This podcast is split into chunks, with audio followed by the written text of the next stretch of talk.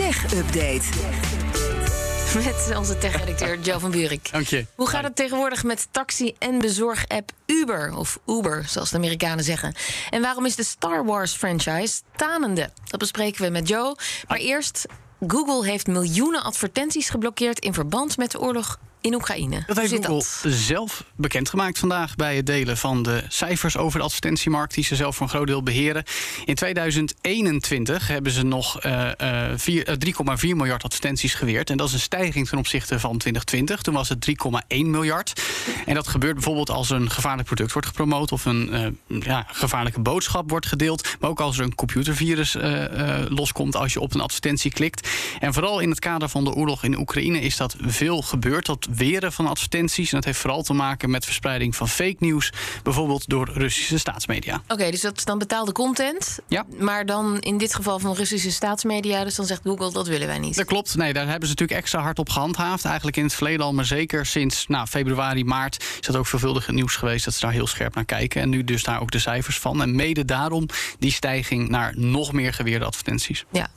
En eh, wat heeft Google dan nog meer verteld over die online advertentiemarkt van? Nou, het eh, aantal schorsingen van accounts dat advertenties mag uitzetten, dat is ook nog eens flink gestegen. Dat was eh 1,7 miljoen over 2020. Nu staat dat aantal op 5,6 miljoen. Dus dan kun je eigenlijk wel raden dat zijn ja, accounts misschien vanuit de Rus- pro-Russische beweging die dat soort eh, schadelijke advertenties willen plaatsen. Tevens heeft Google bekendgemaakt dat eh, ruim 1,7 miljard advertenties volledig verwijderd zijn. Eh, op sites bijvoorbeeld waar ze getoond werden. En op 5,7 miljard online advertenties zijn beperkt weergegeven. Dan heb je het bijvoorbeeld over een advertentie die niet meer op een bepaalde site afhankelijk van locatie of lokale regelgeving getoond mag worden. Dus aan alle kanten wordt er eigenlijk strenger gekeken naar waar wel en niet bepaalde advertenties uitgesfeerd mogen worden.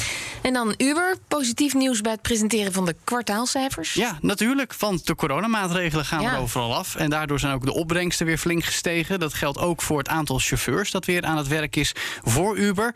Zo hebben we in het eerste kwartaal eh, 26,4 miljard dollar aan boekingen bij Uber. Voor de taxiritjes en het bezorgen van maaltijden. Dat laatste is natuurlijk vooral in coronatijd nog hun redding geweest. Ja. Maar dat is nog steeds de grootste. Taxitak begint er wel weer bij in de buurt te komen. En dan hebben we ook nog Uber Freight. Dat is dan voor de vrachtwagenchauffeurs. de bedrijfswinst van Uber komt in totaal uit op 168 miljoen eh, dollar. Onder de streep is er wel een verlies van 5,9 miljard. Maar dat is vooral door eenmalige tegenvallers. Onder meer door de belangen die ze hebben in bedrijven zoals Grab. Dat zien we ook in eh, andere delen van de wereld actief zijn.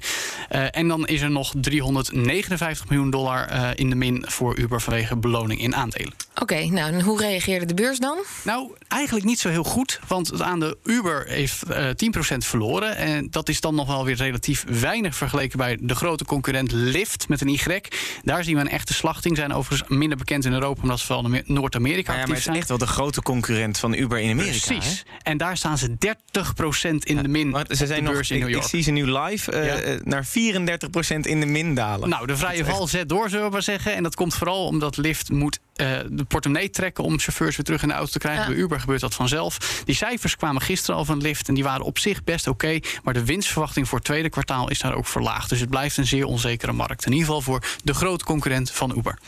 Nou, en dan moeten we het juist vandaag nog even hebben over deze superbekende franchise. Ja, dit nou niet? Ja. Dat kan toch niet? Ik, ik kijk Iedereen ik kent kijk het. wel even aan Lisbeth. Zeker, maar- ja, ik wou zeker, zeggen. En je weet waarom, want het is Star Wars. En vandaag is het 4 mei, dus in het Amerikaans May the 4th.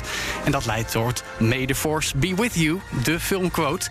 En dus is er vandaag een internationale feestdag voor fans. Zie je ook het shirt dat ik heb aangetrokken met alle Ja, het namen is hier trouwens nationale dodenherdenking. Wij, eh, Ja, dat is altijd een beetje ja, maf. Dat ja. klopt. Maar toch Ik zag is... ook op Twitter allemaal May the 4th be with you Ja. eh, voorbij Ja. komen. dacht ik, hmm, in Nederland Maar- klinkt dat toch iets ja, maar anders. vaak stopt, eh, stopt dat dan om 8 uur s avonds. Dan is iedereen wel even de focus op dan weer doden. Ja, nee, natuurlijk. Dat is sowieso belangrijk. Twee minuten stilte. Maar toch, eh, Star Wars mag ook gevierd. En wat, wat is er voor nieuws? Behalve dat jij het heel fijn vindt om dit te horen. Nou, oké, goed. Dat, dat- dit, hier moet ik een beetje beschouwend worden. Want er is geen nieuwe grote film aangekondigd. Nog niet. Er zou misschien nog een nieuwe game kunnen worden aangekondigd later vandaag. Maar dat is ook een beetje het probleem. Want de afgelopen zeven jaar zijn er allerlei nieuwe films gemaakt. Die gingen van oké naar moi, naar vreselijk.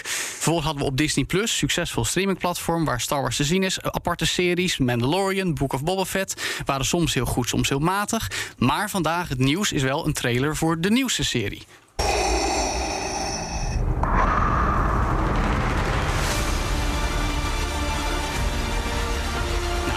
Klanken zijn wel een beetje symbool voor de tijd waar we in zitten als Star Wars fan. Maar dit is voor de nieuwe serie op Disney Plus, Obi-Wan Kenobi. Nou, het gelijknamige personage. 27 mei te zien. Met een uiteraard. Maar we hoorden Darth Vader. toch? Ja, want die zit daar uiteraard in. Maar dan niet in wie die is, zeg maar. Nou goed, zonder heel erg te nerd te worden. het is ik een wou beetje. net zeggen, hier, hier trekken we de lijn. Dat eh. snap ik, maar het is een beetje exemplarisch dat de franchise niet meer bloeit. En er wordt ook best wel negatief gereageerd in alle Amerikaanse media. Ze zeggen van Star Wars is dood aan het gaan, er gebeurt niet meer zoveel. En ja, misschien dat die serie iets wat kan doen. Maar jij zegt net dodenherdenking. Ik wil niet te macaber worden, maar het is wel zo dat Star Wars als internationaal bindend popcultuur Mhm. eh, fenomeen wel heel belangrijk is. Dus zou het fijn zijn als ze er. Maar het is toch ook niet zo gek doen. dat spin-off na spin-off na spin-off dat dat een keer stopt? Ja, nou, maar juist door Nou. de aankoop van Disney een jaar of acht geleden zou je zeggen: Nou, Disney doet er wat mee. En ze doen er wel wat mee, maar toch bloedt het dood. Ze doen er de verkeerde bloed dingen mee. het dood. Als ik naar de omzetcijfers kijk van de laatste drie films... die slechter, slechter, slechter werden Ja. volgens jou... 1 miljard, 1,3 miljard, 1 miljard. Klopt. Vind ik niet slecht. Nee, en toch wordt de interesse alleen maar minder. Nou ja, als dat tot, nu toe nog Nee, steeds maar 1 kijk, nee, miljard nee, nee, oplevert... de laatste film is al vier jaar geleden. Eh, drie jaar geleden, sorry. En dan de series op Disney Plus, die worden heel erg wisselend bekeken. Oké. Dus. Dankjewel, Joe. Tot de volgende. De BNR Tech Update wordt mede mogelijk gemaakt door Lenklen. Lenklen. Betrokken expertise, gedreven resultaat.